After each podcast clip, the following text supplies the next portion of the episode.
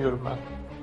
Yani tabii orada çok karşılıklı belki eskiden bahsediyorsak bir karşılıklık olsa gerek gibi geliyor bana. Kültür dini de çok derinden şekillendiriyor gibi de görünüyor. Mesela işte Türkiye sınırları içerisinde iki ayrı dine mensup kişinin genel olarak yaşam biçimi vesairesi ile hani şunu söylemeye çalışıyorum. Türkiye'deki bir Sünni insan ile bir Ortodoks insanın ortak noktası e, Türkiye'deki bir Sünni ile Katar'daki bir Sünni'nin ortak noktası ya da Pakistan'daki bir Sünni'nin ortak noktasına göre daha fazla olabilir gibi de geliyor bir yandan. Özellikle son göç krizinde bu kültürel farklılıkların ne kadar derin olabileceği gibi e, şeylerle de karşılaştı insanlar bir yandan. E, onun da bir huzursuzluğu da e, derinden derine kaynıyor gibi.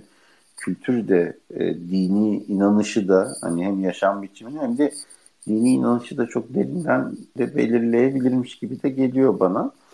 Ama hangisi hangisini belirliyor olursa olsun sanırım bir şey var ortada. Dinin e, en temel mihenk taşlarından unsurluğu olan biri de e, bu e, ahlakı tanımlaması. Ahlak işte şeyde bile değil mi? Dersin adı bile öyle. Din kültürü ve ahlak bilgisi. Ben ee, ona ona gelecektim tam. O oradan mı kaynaklı bu ahlakın temelinin tamamen din olduğu üzerine olan bir izlenim? Ya hocam şimdi dini ve din adına konuşanların iddiası o. Hep duyuyoruz ya ateist e, ahlaklı olamaz diye. Bana kalsa ateistin ahlaklı olmak dışında seçeneği yok. Çünkü hazır bir ahlak gelmemiş. Kendi ahlakını inşa etmek zorunda ya da ben ahlaksız e, insanın tekiyim diye e, bu acı gerçekle yaşayacak. Yani birazdan şimdi o konunun detayına gireriz. Ama din kültürü ve ahlak bilgisi diye bir dersin oluyor olması ahlak din içinden mümkündür gibi çok ideolojik bir ön kabulün sonucu aslında ve çok sıkıntılı o anlamda. Bu ahlak oralara girelim mi? Vaat, vaat et bu Kolberg'in evet, evet. gelişim şeyine. Evet oradan şey yapalım. Ahlakın Önce dinden bağımsız gelişimi üzerine evet. siz şey yapın. Siz evet. psikolojik alandan alacaksınız. Ben biraz daha sosyal ve ekonomik taraftan alacağım. Tamam hocam. Şöyle e, aslında e, bir çocukta ahlak yani bir çocuk nasıl ahlak edinir? İşte nasıl örneğin dil edinir olduğu gibi nasıl ahlak edinir ilişkinde aslında farklı modeller var. Ee, benim e, sevdiğim modellerden bir tanesi Kohlberg isimli Harvard'lı bir şeyin e, psikoloğun ürettiği bir model. Piaget'in modeli alanda çok e, kabul görür bir yandan. Kohlberg'in modeli Neo diyen bir perspektifle ölçümlenebilir bir yapıya da sahip bir taraftan. Neydi adı? Adını da hatırlarım şimdi testin. Neyse şimdi gelmedi testin adı. Hatırlayınca söylerim psikolog ya da sosyolog birileri varsa. Şöyle diyor Kolberg diyor ki üç aşamada çocuğun ahlaki gelişimi yerine oturur diyor. Bu üç aşamadan üçünü de üçüncü basa yani aslında üçünde ikiye ayırıyor böyle altılı bir modeli var ama yani en sonuna kadar herkes gitmez hatta daha azınlıktadır diyor en sonuncu basamağa çıkanlar. Herhangi bir basamakta da kalabilir diyor. Ama birden başlayarak ikiye, ikiden de üçe gidebilir. Çıkarsa geri de inemez gibi yani bir takım iddiaları var. Şimdi birinci basamak uzlaşı öncesi, pre-conventional diye tarif ettiği dönem. Burada tamamen çıkarlar var. Yani bu bana iyi mi kötü mü? Kardeşimin çikolatasını elinden kapayım mı? Çikolatanın tadı güzel. Ha iyi kapayım. İşte annem görürse paparayı yerim. Ha, o zaman kapmayayım gibi. Paparayı yerim ya da benim çikolatamı da alır elimden. Beni cezalandırır. Üzülürüm gibi. Burada sadece bana iyi mi kötü mü diye bakan bir bakış açısı var. Uzlaşı öncesi dönemde. Uzlaşı dönemi conventional diye tarif ettiğinde de ya bu durumun iyi ya da kötü olduğuna ilişkin ortak bir uzlaşı var mı diye düşünüyor. Ya bu uzlaşı neyle olabilir? Ahlaklı olabilir, yönetmelikle olur, yasayla okul olur, okul kurallarıyla olur. İşte ne bileyim örf ve anenelerle olur falan. Üzerine ortaklaşa hepimizin kabul ettiği bu bunu yapmak doğru mudur, yanlış mıdır? İşte ne bileyim derste iken sakız çiğnemek doğru mudur, yani yanlıştırsa Tamam bu bunu kabulleniyor çünkü herkes de ortaklaşa öyle bir kural var.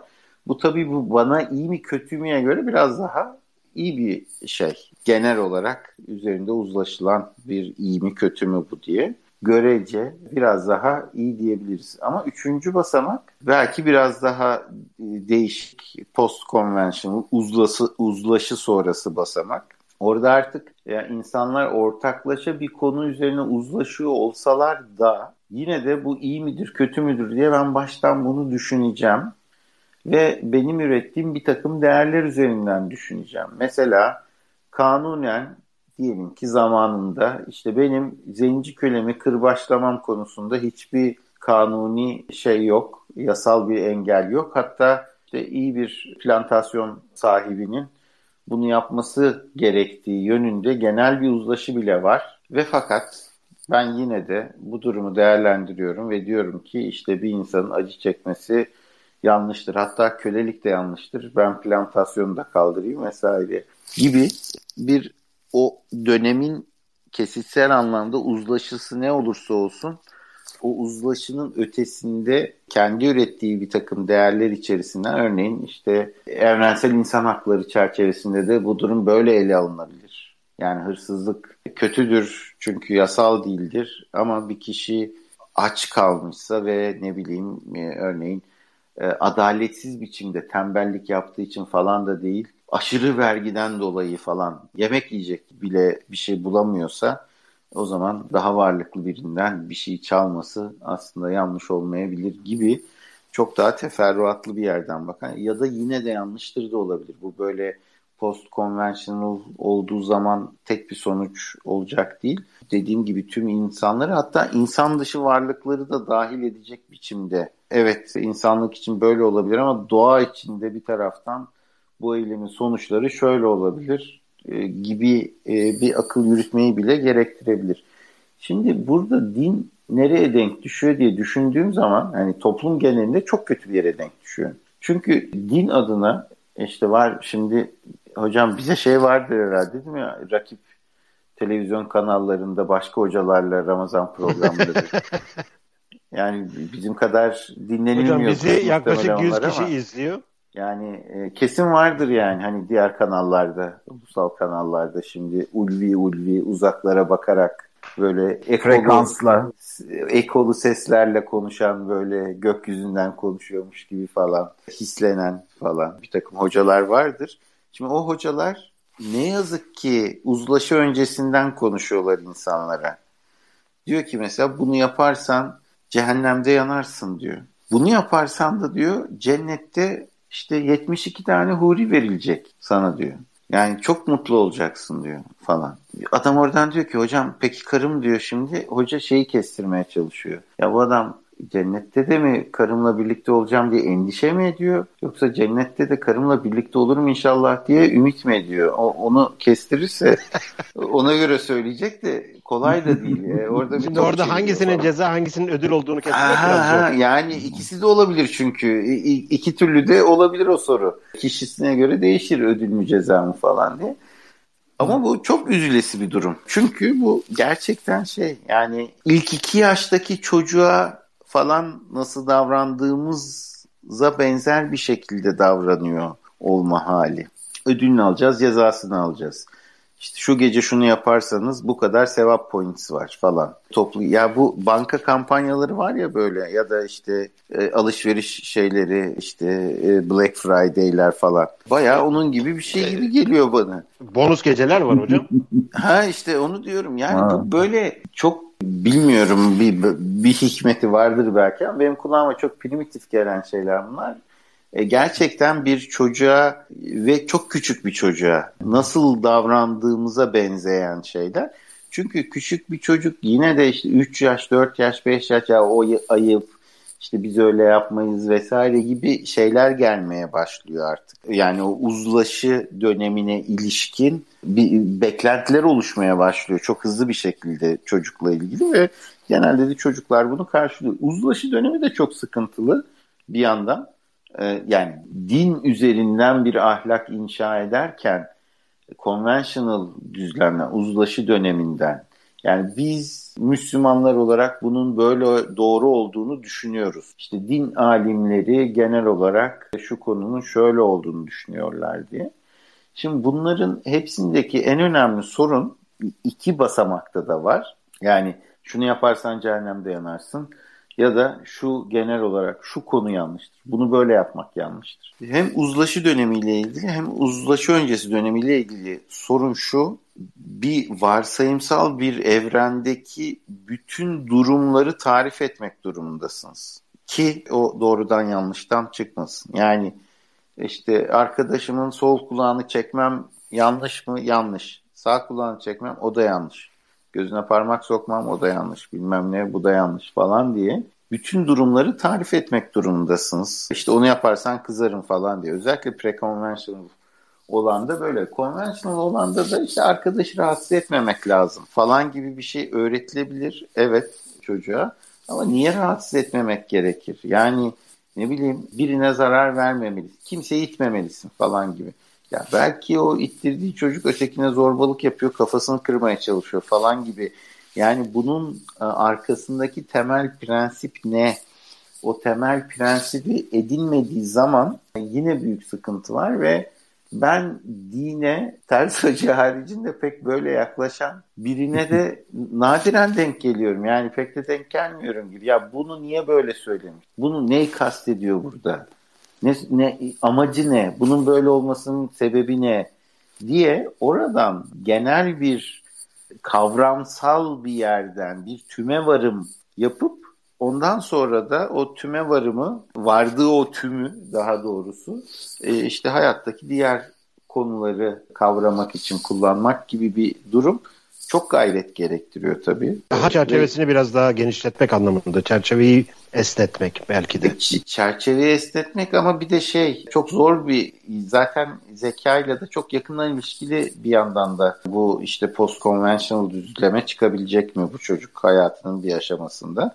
Çünkü ötekiler çok konforlu. Biri söylüyor, o doğru bu yanlış. Dolayısıyla akıl yürütmek gerekmiyor bu konuyla ilgili. Şimdi kimi insan işte askerde çok zorlanır, kimi çok rahat eder. Her şey çok bellidir çünkü yani akıl yürütmeye gerek yok. O mu doğru, bu mu yanlış diye. Dolayısıyla şey bu dinle ilgili yani din üzerinden ahlak kurmanın kolaycı tarafının çok ciddi sıkıntıları ortaya çıkıyor. Çünkü dediğim gibi verili her durum tarif edilemediği için bu yazmıyorsa demek ki bu günah değilmiş da olabilir bu. Rasyonelize etme de olabilir. Bir şekilde insanlar kendilerini ikna ederek inanıyor olmalarına rağmen o yaptıkları şeyin dinen yanlış olmadığına ikna etmenin çok yollarını da bulabiliyorlar. O yüzden de şey oluyor. Diğer kanallardaki e, Ramazan sohbetlerini takip ederseniz tekrar tekrar şey soruluyor mesela. Bitmeyen soru değil mi?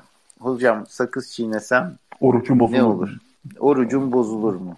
Ben de şöyle hocam şimdi ben e, herhalde bir 5 Ramazan falan bu soruyu duydum artık izlemiyorum şeyi. Çünkü şöyle oluyor hep aynı cevap veriyor insanlar. Yani sakız eğer şekerli değilse orucu bozmaz. Şekerli ise bozar çünkü içinde gıda var.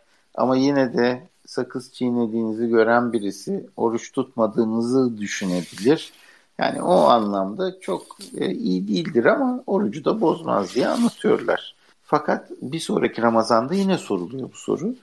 E çünkü işte bu e, iyice preconventional düzlemin bir şeyi, çıktısı bu geri planda fonksiyonel bir işlevi var. Çünkü Hı. çoğu ritüelde aslında yani çoğu ritüelin doğru ve yanlışı yok. Yani sakız çiğneyerek oruç tutmak veya sakız çiğnemeden oruç tutmak veya namazda otururken bir ayağı şu şekilde dikmek de bir ayağı şu şekilde yatırmak da veya 3 saniye beklemek, 5 saniye beklemek, 3 kulhuvallah okumak, 5 tane okumak bunların şeyi yok. Arkasındaki mantığında bu doğru bu yanlış dediğiniz zaman bir açıklaması yok. Ama sembolik değeri var. Kendi aidiyetini belirliyorsun. Biz dua Hı-hı. ederken ellerimizi birleştiririz.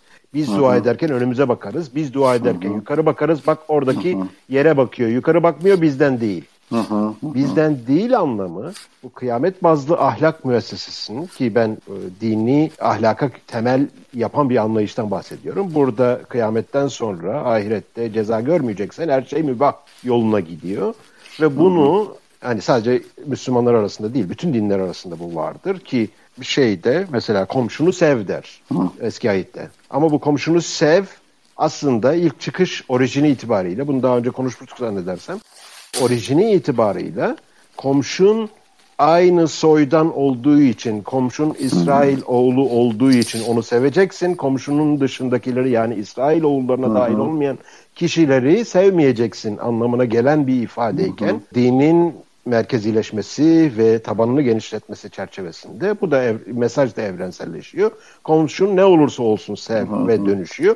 Bunların böyle işlevsel bir şeyi var ki İslam literatüründe bu şey vardır. Darül Harp vardır. Hı. Yani Darül Harp demek bunun çeşitli varyasyonları var. En bilinen en şey varyasyonu. Eğer bulduğumuz belde İslami bir idare tarafından idare edilmiyorsa hı hı. sen Darül Harp'tasın. Dolayısıyla bazı haramlar sana uygulanmaz veya bazı şeyleri yapmak zorunda değilsin veya en azından kendi komünitenin haricindekilere insan değillermiş gibi davranabilirsin esnekliği getiriyor. Ki bu çok tehlikeli. Benim esas şey yaptığım. Bu da fark etmiyor hangi din. Bu İslam da olabilir, çevrecilik de olabilir, hayvanizm de olabilir. Hayvanseverlik demiyorum. Budizm de olabilir. Çünkü şiddete başvuran Budistler de var. Hı hı. Ee, her din ve her ideoloji... Bayağı Budist rahipler taşlı sopalı birbirine evet. giriyorlar. Evet, hocam. evet. Hayır, başkasına hı. şiddet uyguluyor. Yani bu şiddet ki hiçbir dinin tekelinde değil. Onu söylemeye çalışıyorum. Hı hı hı. Ama o söylediğiniz ritüellerin yani sakız çiğnemek orucu bozar mı'nın cevabını veren hoca kendi şeyini belirlediği anda, kendi çemberini belirlediği anda o çemberin dışındakilere farklı bir davranış modeli getiriyor. Bu da farklı ahlak anlayışı demek oluyor. İçin, içeridekilere yani komşuna farklı davranıyorsun, dışarıdakilere daha farklı davranıyorsun. Bu bu ahlaki dualizm dediğim veya bir ikircik, ikilikli yapı, iki şeyli ahlak yapısı çok tehlikeli. Bu yani Yahudi değilse çalabilirsin, hı hı. Müslüman değilse çalabilirsin. Biz davaya hizmet etmek için bunu da çalabiliriz. İdeolojiye hizmet etmek için bunları şey yapabiliriz, yalan hı hı. da söyleyebiliriz. Bu noble lies olayı. Yani hı hı. E, sadece tek bir dini eleştirmiyorum burada. Bir bakış açısını eleştiriyorum dikkatini çekerse. Hı hı. Ve bu tarz ritüellerin o sinyal anlamında çok ciddi bir şey var. Ya bak bunlar sakız çiğniyorlar oruç tutarken. Bunlar farklı bir grup. Bunlar çiğnemiyorlar. Bunlar daha farklı bir grup. Şibolet mevzu vardı evet, ya. Ha, evet. Yani dolayısıyla hani o sorunun her Ramazan'da sorulmasının arkasında bir dinamik var. Yani bu insanların geri zekalı olup soruyu bir sefer sordu tamam anladı ile bitmiyor. Çünkü bir objektif veya absolute truth yok o, o konuda. Bir de hocam çok e, evet. e, morali bozmak gibi olmasın ama azıcık gerizekalılıkla alakası var o, gibi. O şey, o Çipolo, Çipolo, o Çipolo kanununa her yerde rastlıyoruz maalesef. Şöyle e, çok hızlı onu da söyleyeyim. E, need for closure diye bir kavram var bizde. Yani bir konunun netleşmesi lazım bazı insanlar için. Çünkü e, kognitif olarak fazla yük oluyor. Şimdi bazı insanlar için yani ne güzel netleşmesin bir yani muğlak kalsın biraz daha düşüneyim üstüne. Hani bir de o açıdan ele alayım, buradan tutayım, bir o, o, oynayayım, bir düşüneyim. Hani oyun gibi daha da heves uyandırabilen bir şey olabiliyorken bir konunun o kadar net olmaması bazı insanlar için zor oluyor, asap bozucu oluyor ve bunun zeka düzeyiyle çok yakından alakası var. Bu need for closure meselesinin. Evet. Yani e, zeka ne kadar fazlaysa yok canım kapatmayalım konuyu bir e, muğlakta kalsın bir şöyle biraz daha bir kurcalayalım gibi bir durum ortaya çıkıyor.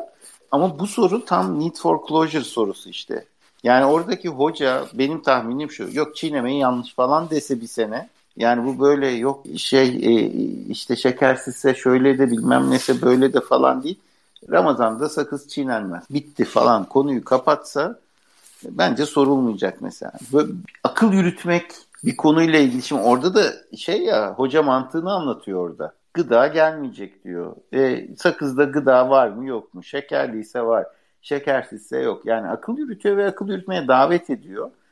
Ama o akıl yürütmenin zor geldiği insanlara bu davet iyi hissettirmiyor işte. Ya hoca söyle bize işte çiğneyelim çiğnemeyelim falan gibi bir ihtiyaç hasıl oluyor. Dolayısıyla biraz yani söylediğine itiraz için söylemiyorum. O unsur bence de var. Bir kimlik imleyeni olması meselesi. Şibolet konusu gibi yani. E, biz böyle selamlaşırız, böyle tokalaşırız. İşte orucu öyle değil böyle açarız. E, evet. Namazı öyle değil böyle kılarız da dahil olmak üzere. Ama onun haricinde bir de e, bu need for closure meselesi üzerinden evet. o, bir yükü de var galiba. Bir, onunla ilgili bir hatıra aklıma geldi. İşte benzer konuların konulduğu, konuşulduğu bir yerde işte kar ağzına kar kaçarsa orucun bozulur mu? Veya yağmur kaçarsa. Bozulmaz dedi hoca. Ondan sonra kazara kaçtıysa bozulmaz dedi. E peki ben dilim dışarıda, ağzım yukarıda yürürken ağzıma kar girse e, bozulur mu? Dedi sen oruçla mükellef değilsin zaten bu zekaya sahipsin. yani o şekilde bir durum varsa o oruçla mükellef olmuyorsun. Ama e, ben biraz önce şeyi geri dönmek istiyorum bu ahlakın temeline. Hı. Siz güzel bir şekilde çocuktaki gelişimi veya en azından çocuğun anlayışındaki gelişimi ee, ki sonunda consequentialist bir yaklaşıma dayanıyor benim terminolojimde. Hani genel olarak biz ahlakın doğuşunu veya ahlak neden böyle bir kuruma ahlak dediğimiz bir nosyona social construct'a ihtiyaç duyulmuş veya hukuk dediğimiz veya hak dediğimiz çoğu şeyi buraya endeksleyebiliriz.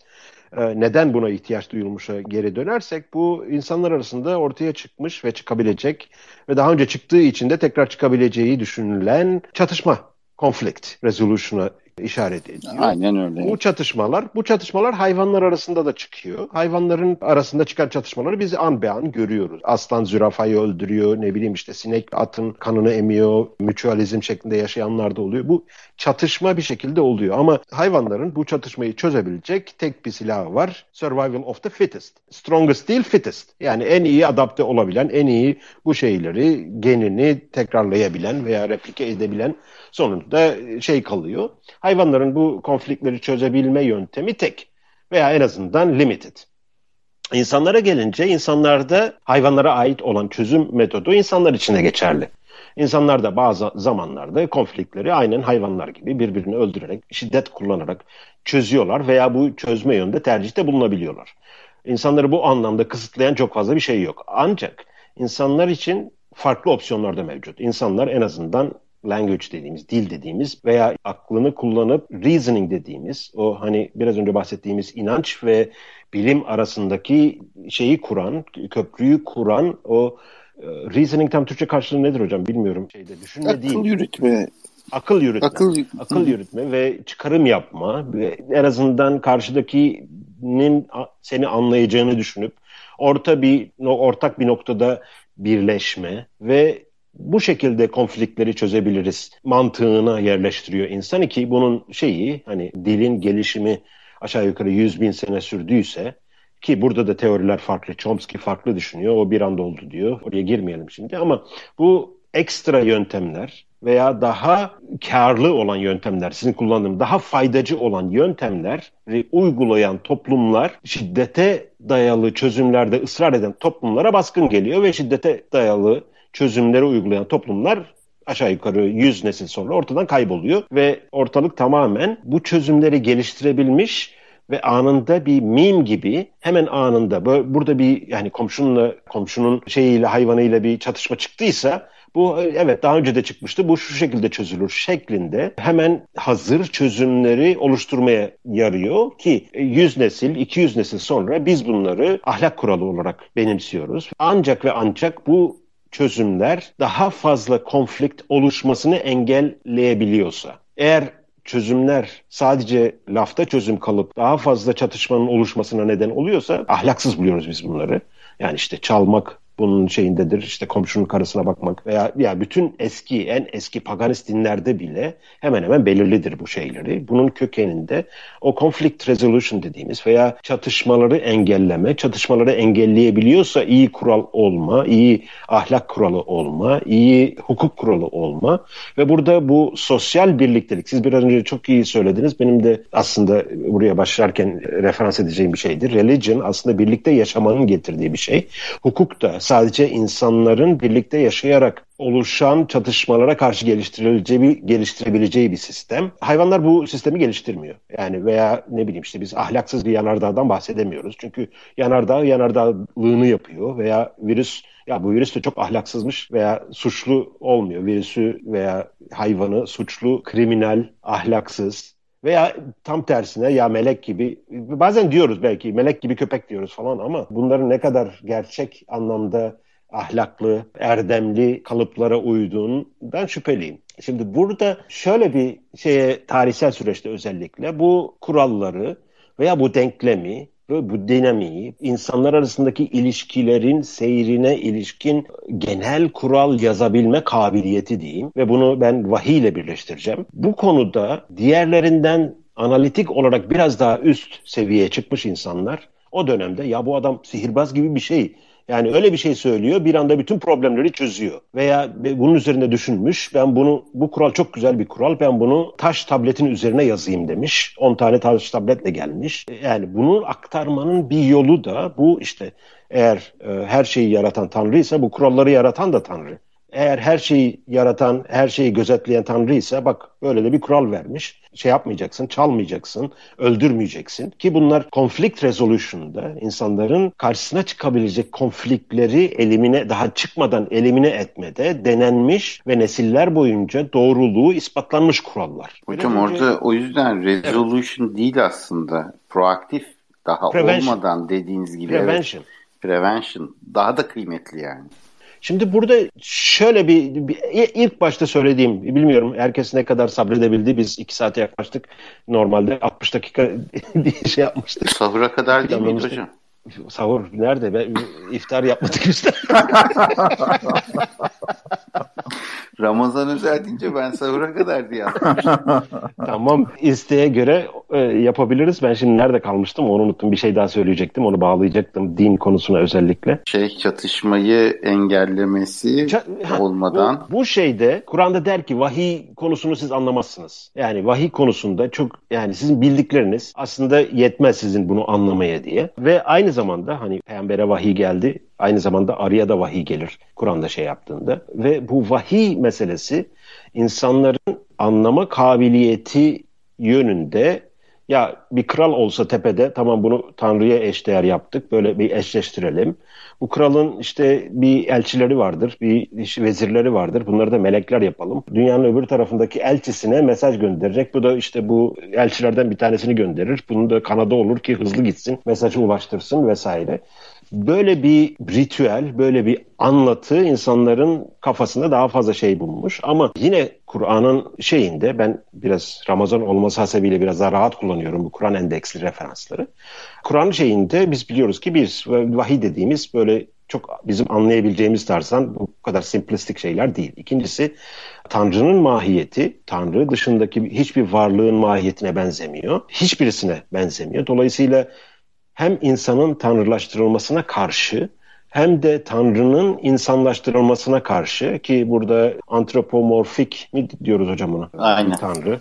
Yani insanlaştırılmış bir Tanrı, insana benzeyen bir Tanrı veya Tanrı'ya benzeyen insanların iki fikre de Kur'an'da apaçık karşı çıkılır. Buradan hareketle oradaki vahiy meselesinin özellikle Aquinas ona önem veriyorum. Veya İbn Rüşd veya Gazali o aydınlanmanın ilk tohumlarının atıldığı ve akılcılık dediğimiz ekolün başlangıcından itibaren bu peygamberlik müessesesinde veya vahiy müessesesinde eski anlaşıldığı şekliyle bir anda ortadan kaybolduğunu görüyoruz. Artık Cebrail emekli mi oldu? Yani melekler emekli mi oldu artık dünyaya gelmiyor veya Tanrı dünyadan umudunu mu kesti artık bir daha elçi göndermiyor. Çünkü yani bin sene önce anlatılan veya 1500 sene önce, 2000 sene önce, 5000 sene önce Musa döneminde olan kötülüklerden kat be kat fazlası bugün de var. Aynı Tanrı eğer Tanrı eğer umudunu kesmediyse ki anlatılan ifadelere göre Tanrı umudunu kesmez. Öyle bir insani bir özelliği yoktur. O zaman niye bugün vahiy kesildi niye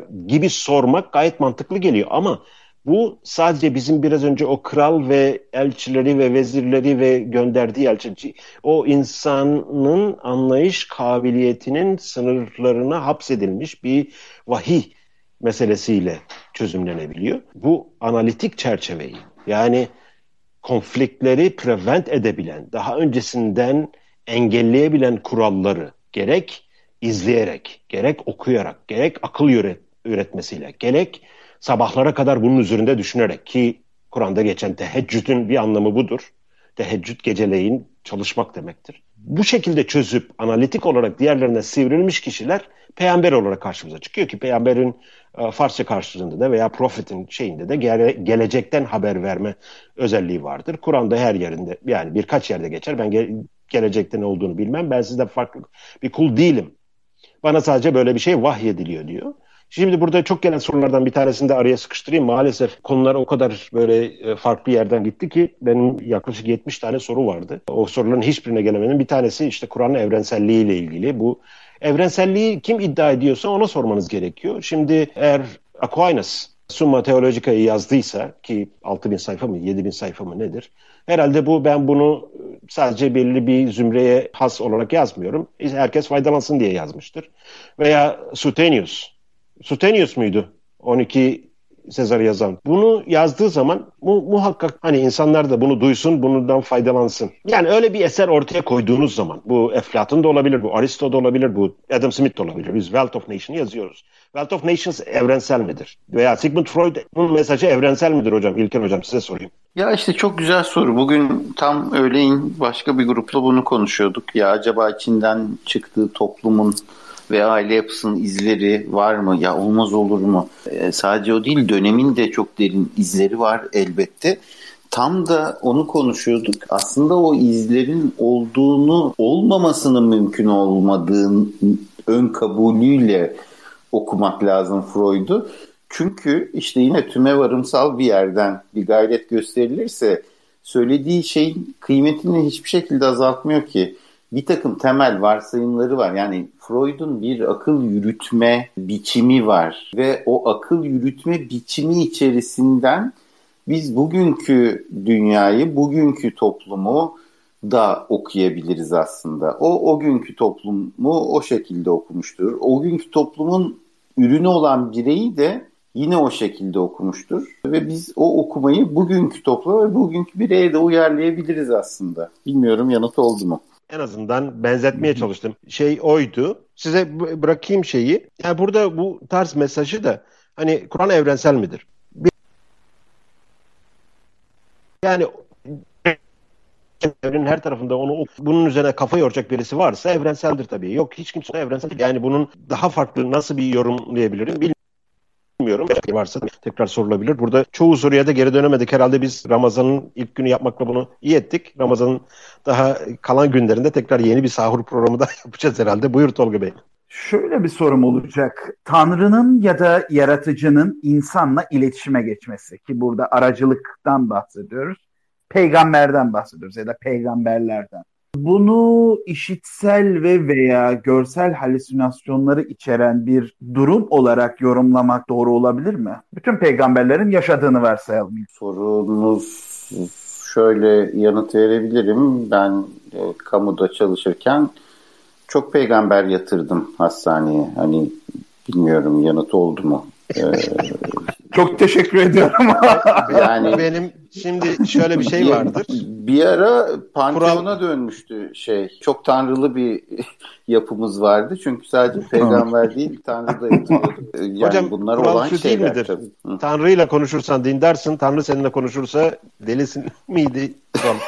Böyle bir şey var ama yani dinle şizofreni arasında çok ciddi bir bağlantıya Şimdi, yönelik. Şöyle hocam o bir kere kültür tarafından yani hezeyan da halüsinasyon da ne olacak kültür tarafından çok belirleniyor. Mesela bir ara şey vardı bu Zeki Alasya Metin Akpınar parodilerinde falan kendini Napolyon zanneden deli mesela. Hatırlarsınız belki o şeyi.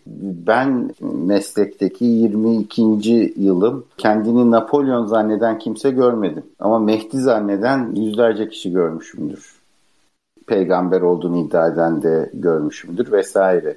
Yani bu şeyin Napolyon zannetme meselesinin e, ithal bir sanrı olduğu tartışma götürmez bir gerçek ya da şöyle şeyler var mesela elimizde Amerika'da şizofreni hastalarının işitsel halüsinasyonları oluyor. Hindistan'daki şizofreni hastalarının da işitsel halüsinasyonları oluyor ama bu bu kişiler ne duyuyorlar? Tamam ses duyuyorlar da konuşma duyuyorlar da ne içerik ne diye araştırıldığı zaman Amerika'daki hastaların hakaret eden ses duyma olasılığı gayet kuvvetliyken Hindistan'daki şizofreni hastaları aslında öneride bulunan müşvik daha müşvik, gözeten falan bir e, sahip çıkan bir ses tarif ediyorlar. Şimdi şizofreni dediğimiz şey çok biyolojik temelini çok iyi bildiğimiz yani biyolojik temeli çok kuvvetli bir Yani oradaki rağmen, sanrı da kültürel doğru mudur? Oradaki e, evet, sanrılar da evet, kültürel. Evet. Yani halüsinasyonlar da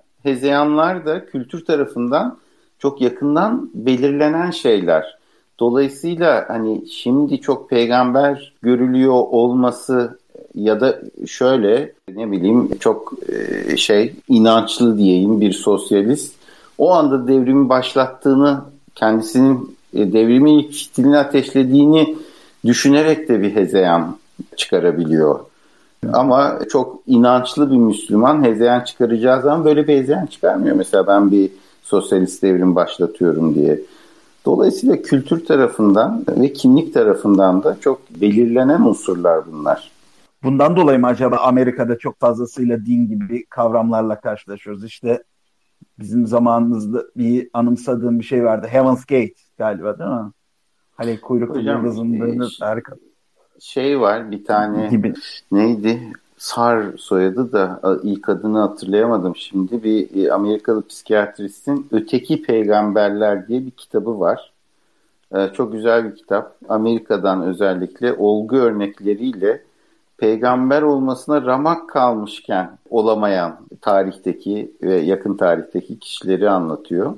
Yani bir kritik eşik var aslında ne kadar kişinin size inandığıyla ilgili. O kritik eşik aşılınca e, bu kişi tarihte yerini peygamber olarak alıyor. E, o kritik eşik aşılamayınca işte meczup olarak anılıyor ya da hiç anılmıyor falan gibi bir durum var elbette. Hocam iki noktadan ekstra bir footnote, dip, dipnot ekleyeceğim. Bir tanesi e, hayıflanarak söylemesi e, Müslümanlar ne kadar şanslı tarihsel anlamda portresini bilebildiğimiz ve yaşamıyla ilgili dönemi en azından en fazla donesi olan Peygamber Muhammed diye. Çünkü e, çok büyük eksikliği var. Daha önce yaşamış işte Musa, İsa, İbrahim işte bu Cüde-Hristiyan kültürün hangi peygamberini ele alırsanız alın. Ciddi tarihsel şeyleri var. Onunla ilgili işte Yusuf, Sigmund Freud'un da hatta onunla uğraştığı e, Yusuf'u Akhenaten'le bir e, eşleştirdiği bir şeyi vardı zannedersem. Çok uzun zaman oldu okuyalı o konuyu. Belki isimler yanlıştı ama e, Freud onun üzerinde bir Moses ve Yusuf ile ilgili bir çalışması var zannedersen. Birinci footnote'um bu. Musa'nın tek tanrıcılığı mı? Hazreti Musa ve tek tanrıcılık diye bir kitabı verdi Freud'un. Ona mı diyorsun? Evet. İkincisi de Muhammed İkbal. Bu konuda dikkatimi çeken bir yorumda bulunmuştu. E, şeyde Reconstruction of Islamic Thought diye yaklaşık 100 sene önce yazılmış bir kitap. Ee, orada bahsettiği şey de Muhammed'in özellikle late antiquity dediğimiz bu antik çağlarla aydınlanma çağları arasında geldiği için hem o bilimsel metodolojiyle diğer yanda da bu truth, gerçek, hakikat arayışı ve din ihtiyacı veya psikolojik ihtiyaç arasında köprü olan bir dönemde böyle bir e, mesajı ulaştırmaya çalıştığı için farklı bir konumu var e, şeklinde bir tespit olmuştu. E, ben hani ikisine de şey yapıyorum. Yalnız Gibbon'ın, Edward Gibbon'ın söylediğiyle ilgili aslında bundan 5-6 sene önce Liber Plus'ta bir yazı yazmıştım. Edward Gibbon biraz abartmış. Çünkü Muhammed aslında hakkında aslında bildiklerinin çoğu da o kadar güvenilir yani İsa hakkında yazılanlardan çok daha fazla güvenilir şeyler değil. Çok da, çok fazla kaynak yok elimizde. Çok fazla o döneme ilişkin metin yok elimizde. Yani sadece belirli Kur'an nüshaları işte 630-640'lı yıllara tekabül eden zamanlardan geldiği elimizde biliniyor. Onun dışındaki evet. yazılı eserlerin hemen hemen hepsi en azından 100, 180, 200 sene sonra yazılmış olduğuna dair rivayetler var. O yazılmış olduğu na ilişkin rivayetlerin olduğu kitapların da asıl nüshaları yok. Onları da şerhlerinden biliyoruz. Şerhler de yaklaşık 300-400 sene sonra yazılmış. Öyle bir ciddi problem var e, elimizde. O nedenle o dönemde kavramsal literatürde işte Muhammed bana vahyedildi dediği zaman ha bak işte Tanrı elçisini göndermiş o da bununla konuşmuş bu halüsinasyon görmüş şeklinde bunu yorumlamak çok daha kolay ve çok daha hem taraftarları tarafından bunun mucizevi bir durum olması hem de karşı taraf tarafından yani buna inanmayanlar tarafından çok kolay alay edilebilecek bir pozisyon olması bu tarz hikayeleri kemikleştiriyor şeyde. Ama ben şey olarak ne Kur'an okumamdan ne de başka metinleri okumamdan anladığım o değil. Hani Tanrı bu şekilde şeyler gönderir mi? O biraz daha benim anladığım kadarıyla insanın Tanrı'yı anlama çabası veya Tanrı'nın en azından işleyişini anlama çabası ki birine bilim diyoruz biz. Bilimin açıklayamadığı yerlerde ki işte hayatın anlamı ne? Nereye gidiyoruz? Veya bu konfliktleri nasıl prevent edebiliriz? Bunun en iyi kuralı nedir? Bu tarz şey sorgulamaları yapan insan için bir arayışın ürünü o hani Tanrı'nın gönderdiği elçiler değil daha fazla insanın ins, insanların bir arayışın sonucu gelen elçiler veya mesaj veren veya mesajını duyuran kişiler olarak e, görmeyi tercih ediyorum. Yani hocam şöyle bu son kısmına dair şimdi benim ilgilendiğim kısım mesela tarihsel olarak bir insan olan e, Muhammed ve işte onun hayatı ya da orada ne olup ne bitti değil ya da bir varlık anlamında Tanrı da değil. Farkındaysanız ben sürekli şey insanların zihnindeki Tanrı. Hatta şöyle öyle ya da böyle bir şekilde inançlı olduysa hayatının bir döneminde şimdi ateist olsa bile bir insan zihninde bir tanrı imgesinin bir anda böyle puf diye ortadan kaybolması da mümkün olmayabilir bir yandan. Ateistlerin bile zihninde bir tanrı imgesi devam ediyor olabilir ama o tanrı ya daha zayıf ya da daha kötücül bir tanrı olacaktır elbette bir insan ateist olduysa. Ama işte hesaplaşılmaya çalışılan bir tanrı falan bile olabilir. Kural olarak değil ama bu böyle bir imge dönüşerek varlığını devam ettiriyor olabilir. Elbette bu anlamda şey klinik bir yerden bakarsak işte halüsine oluyor vesaire falan diye yorumlanabilir ama onunla ilgilenmiyorum ben. Dediğim gibi çünkü herhalde yüzlerce peygamber ile tanışmışımdır ve yine yüzlerce tanrıyla da tanışmışımdır meslek hayatımda. E, buradaki konu bu ben böyle deyince tabii bir taraftan trajikomik oluyor. Çünkü işte bir hepimizin kabul ettiği şey Tanrı da değil benim tanıştıklarım, peygamber de değil diye. Ama hiç kimsenin zihninde böyle bir imgeye sahip olamamış bu insanlar. Ama başka bazı insanlar böyle bir imgeye sahip olmuş. Benim işim o imgeyle niye böyle olmuş, ne söylüyormuş da bu buna dönüşmüş. Ne olmuş da işte bu kişi meczup vesaire dememiş de insanlar söylediğinde bir şey var galiba demişler. Söylediği neyi farklı ya da başka neyi farklı diğer insanlardan. Şimdi bunlar önemli unsurlar.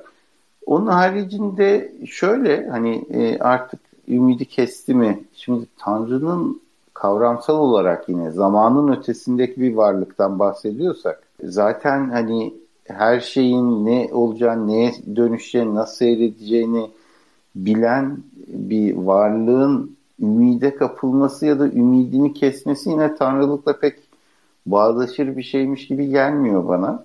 Yok ben zaten yüzde yüz katılıyorum söylediğinize. Ben Hı. zaten onu geleneksel anlatıya bir itiraz olarak evet, evet. söyledim. Ben de yani. ben de aynı yerden söylüyorum sizinle evet. e, hocam. Tamam o yanlış ee, anlaşılma olmasın. Ha yok hiç öyle anlamamıştım ben. Dolayısıyla hani ümidini kesmesi tanrısal bir durum değil. Ümitlenmesi de öyle aslına bakarsanız. Bunlar da tam dediğiniz gibi aslında antropomorfik bir tanrının hatta öfkelenmesi bile öyle gibi geliyor bana.